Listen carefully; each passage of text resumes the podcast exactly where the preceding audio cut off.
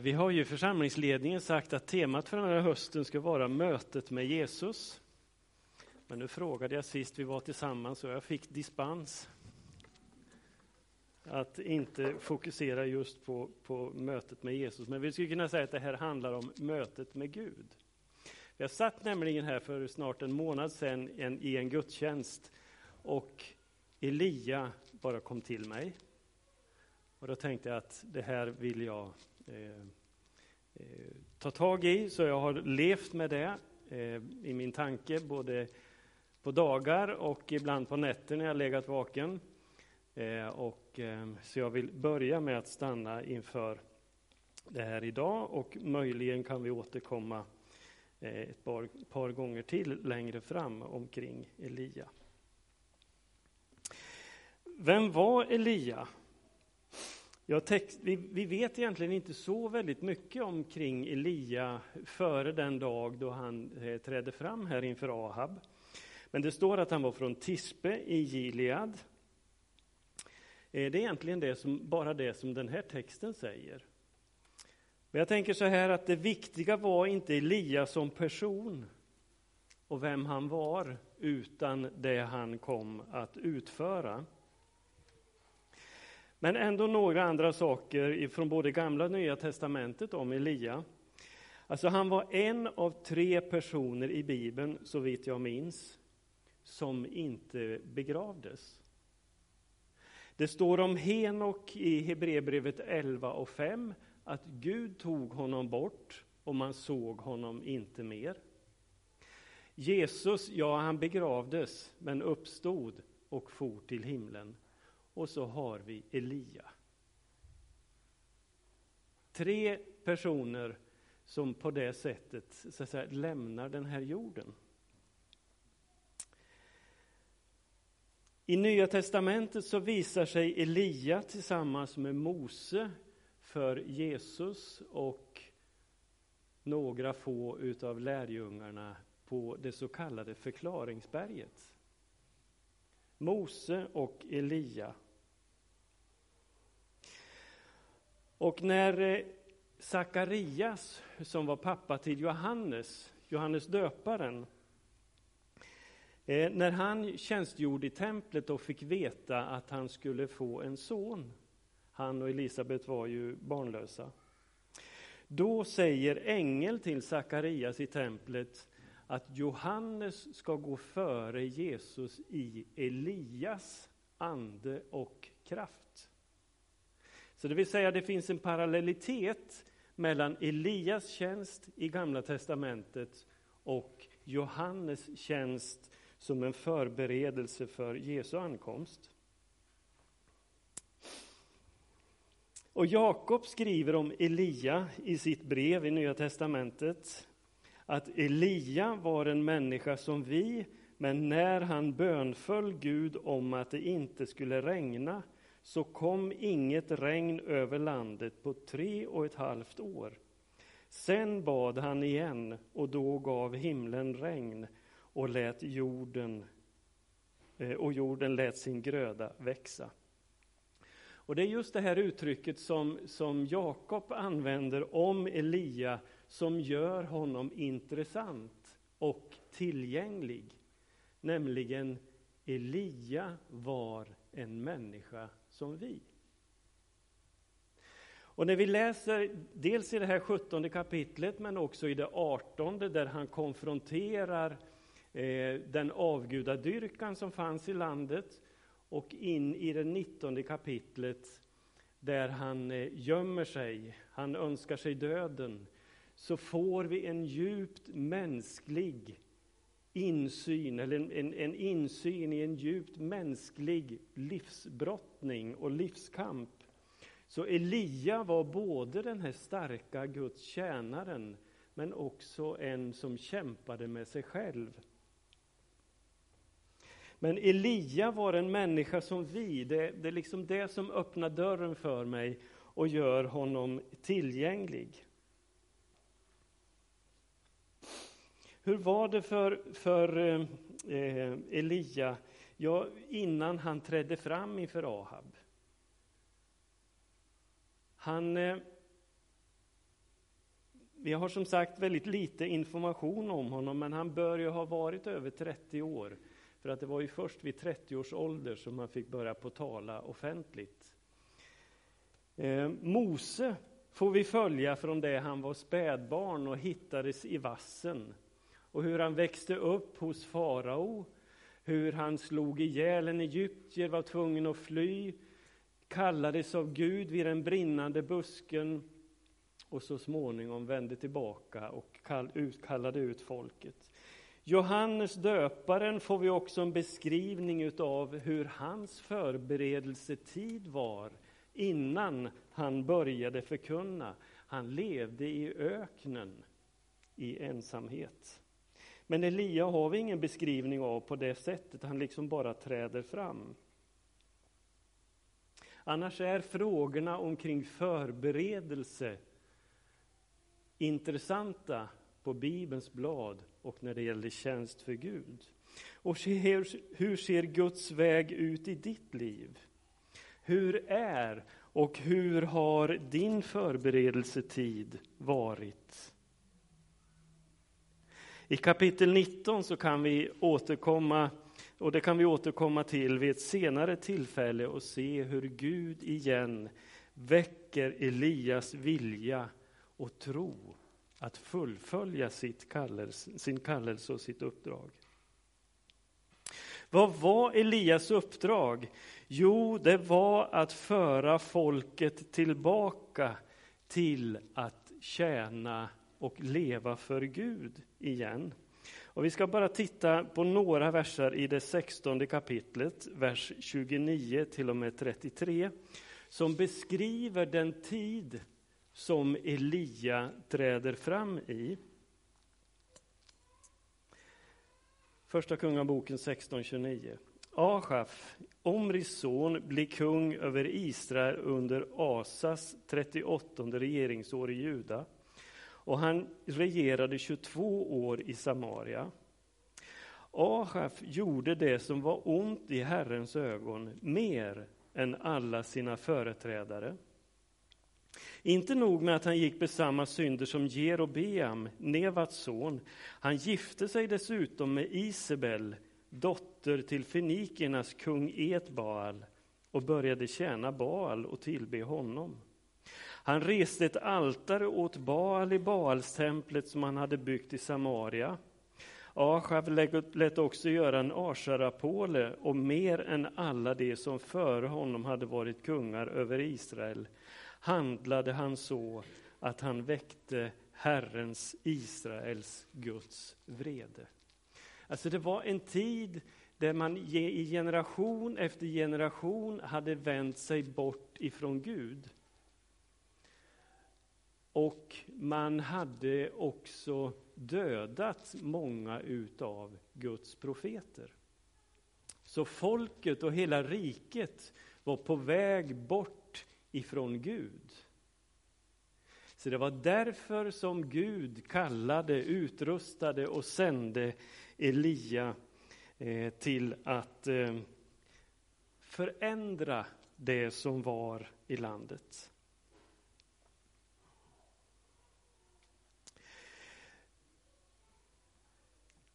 Elia han var den utmanande men också segrande profeten. Han utmanade Baals profeterna på ett mycket tydligt sätt i, i det artonde kapitlet. Och eh, sen i det nittonde kapitlet så ser vi den mänskliga och svaga sidan av profeten och hur Gud igen väcker hans tro och för honom tillbaka till handlingskraft igen. Men här i kapitel 17 så uttalar Elia en dom över landet på grund av Ahabs gudsfrånvändhet. Och det, det är liksom ett koncentrat och som kraft av de här orden när han träder fram och säger Så sant Herren lever, Israels Gud, som jag tjänar. Under de närmaste åren ska det varken falla dagg eller regn annat än på min befallning. Och sen det som händer i det här kapitlet är intressant, för sen flyttas fokus ifrån landet och folket till att vi får följa profeten. Gud säger till Elia att gömma sig i Kerits bäckravin. Och då ska vi förstå att Isabel och Ahab och folket hade dödat många utav Guds profeter. Så det var fara också för Elias liv. Så därför säger Gud till honom, göm dig, dra dig undan. Det fanns ett akut hot mot hans liv. Det är den ena sidan utav det här. Och jag tänker att den andra sidan är att Elia är i ensamhet och det är en för, fortsatt förberedelsetid för den, den uppgift som han hade fått utav Gud. Jag vet inte vad du tänker och känner inför det som beskrivs här sen, hur, hur Elia fick mat. Korparna kom med kött och bröd till Elia. Korpen är i min värld den fågel som kommer när det finns något ätbart animaliskt ute i skogen. Och där sätter han sig och äter sig mätt. Men här kommer korparna med kött och med bröd till Elia där han sitter i den här bäckravinen. Jag tänker mig att örter till smaksättning, de fanns runt omkring honom. Elden kunde han tända och grilla det här köttet och kanske rosta brödet. Kanske inte var så knapert i alla fall. Möjligtvis kanske det var som för Johannes. Han hade ju dessutom vildhonung till sina gräshoppor. Så att han kanske hade lite honungsmarinad på köttet, vem vet? Men hur som helst så visar det här vilken omsorg Gud hade om profeten där han fanns i sin ensamhet. Och jag är ganska säker på att han där hade tid inför Gud. Sen på grund av torkan så torkar ju också den här bäckravinen ut. Jag kan se framför mig hur Elia på slutet liksom gräver i sanden för att få upp det sista vattnet. Och det är klart, visst hade Gud kunnat låta vattnet eh, fortsätta att finnas i bäckravinen.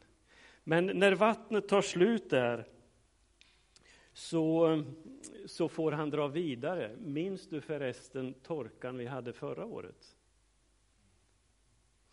Hemma i Backhaga så mätte vi upp 75 mm regn ifrån början på maj till slutet på augusti.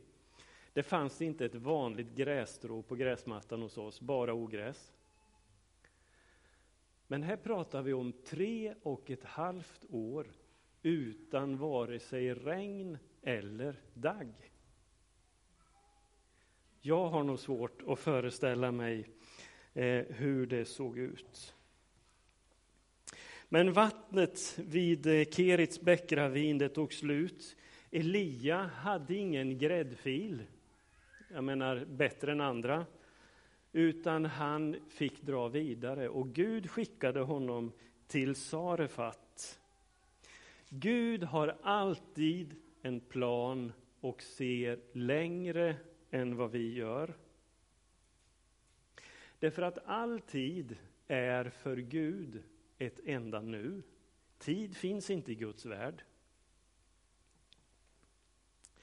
Och det innebär också att Gud har förutsett allt. Han har inte förutbestämt allt, men han har förutsett. Skulle Gud ha förutbestämt allt skulle inte vi ha någon fri vilja. Men vi är skapade med en fri vilja. Men Gud har förutsett allt. Så mötet mellan änkan och Elia är intressant. Mycket intressant. Därför att Gud säger till Elia att han har befallt en änka i den här staden att förse honom med mat. Det är spännande att förstå att hon vet inte om det.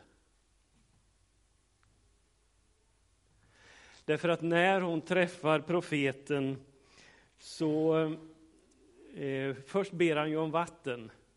Och så säger jag just det, ta med en bit bröd också. Och hon berättar hela situationen för honom. Brödet är slut, jag har en liten skvätt mjöl kvar, lite grann olja. Jag håller på att samla ihop ved, vi ska grädda våran sista brödkaka, min son och jag. Och sen har vi inte mer. De var också drabbade utav torkan i landet. Men någonting är det ju som gör att kvinnan förstår att Elia inte är en vanlig tiggare, utan hon förstår att han är en Guds profet. Och jag tänker mig att den här kvinnan i sin situation som änka, där hon verkligen hade fått kämpa med livet, också hade vänt sig till Gud. Så hon kanske hade en lite tränat öga och öra och förstå att det var Gud också i den här situationen. Eller annars så tänker hon, en liten brödbit spelar väl ingen roll, det kanske inte gör mer än något halvt dygn för mig och min son. Så han kan väl lika gärna få en brödbit. Vi kommer ändå svälta ihjäl. Men det intressanta är att när hon börjar använda det hon har, sitt mjöl och sin olja, så mäter hon upp och öser upp ur det här kruset under åtminstone ett par års tid. Och det minskar inte. Det räcker för profeten och för henne och för hennes son. Vilket brödunder! Fantastiskt!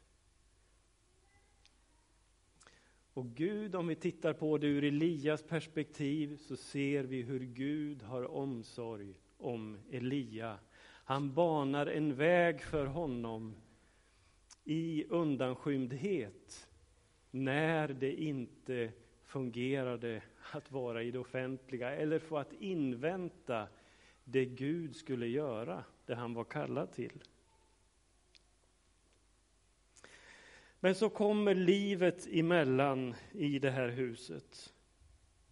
Änkans son dör. Vi vet inte så mycket omkring det här, om han har varit sjuk en tid, pojken, eller hur det har varit. Men han slutar att andas i hennes armar. Och vi förstår att pojken borde ha varit maximalt fem år tänker jag, eftersom hon bar pojken i sina armar. Eller om han hade tacklat av väldigt mycket så att han, han eh, ändå var liten.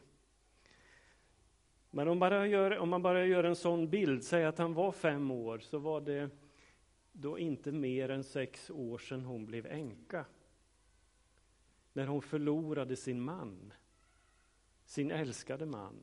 Och här är hon på väg att förlora sin son. Och jag tänker att i de här få raderna som det här beskrivs så finns det underlag för en hel långfilm. Att beskriva kvinnans upplevelse, hela huset, Elias närvaro och allt det här Bibeln är ju inte detaljbeskrivare på det sättet, men vi måste förstå, eller vi kan förstå, att här finns ju djupt mänskliga livsbrottningar i en sån här situation. Kvinnans chockreaktion och ilska riktas mot profeten utåt. Han som har, varit orsaken till att de har haft mat på bordet i två års tid. Visst är det märkligt hur vi kan reagera i situationer där vi blir pressade. Och vilka krafter som frigörs när det händer som inte får hända i vår värld. Alltså i min livsvärld. Och vi går in i affekt, i, en häftig, ett häftigt känsloförlopp.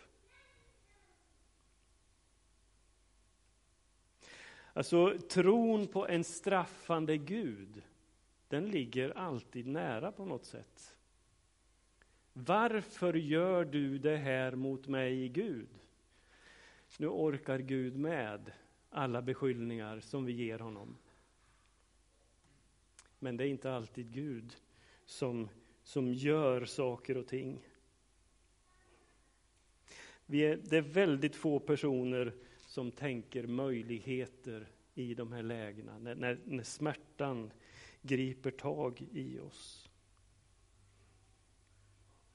Och också Elia fångas av situationen. Han tar barnet ur kvinnans famn, bär det upp på rummet där han bor. Jag tänker mig hur kvinnan lyssnar och lyssnar. Vad händer nu? Och hör profeten ropa över barnet. Och barnets liv kommer tillbaka igen. Och han bär ner det till eh, sin mor. Undret sker och kvinnan får behålla pojken. Och här ger hon sitt vittnesbörd och tilltro till profeten och till Gud. Hon säger, nu vet jag att du är en gudsman och att det verkligen är Herren som har talat genom dig.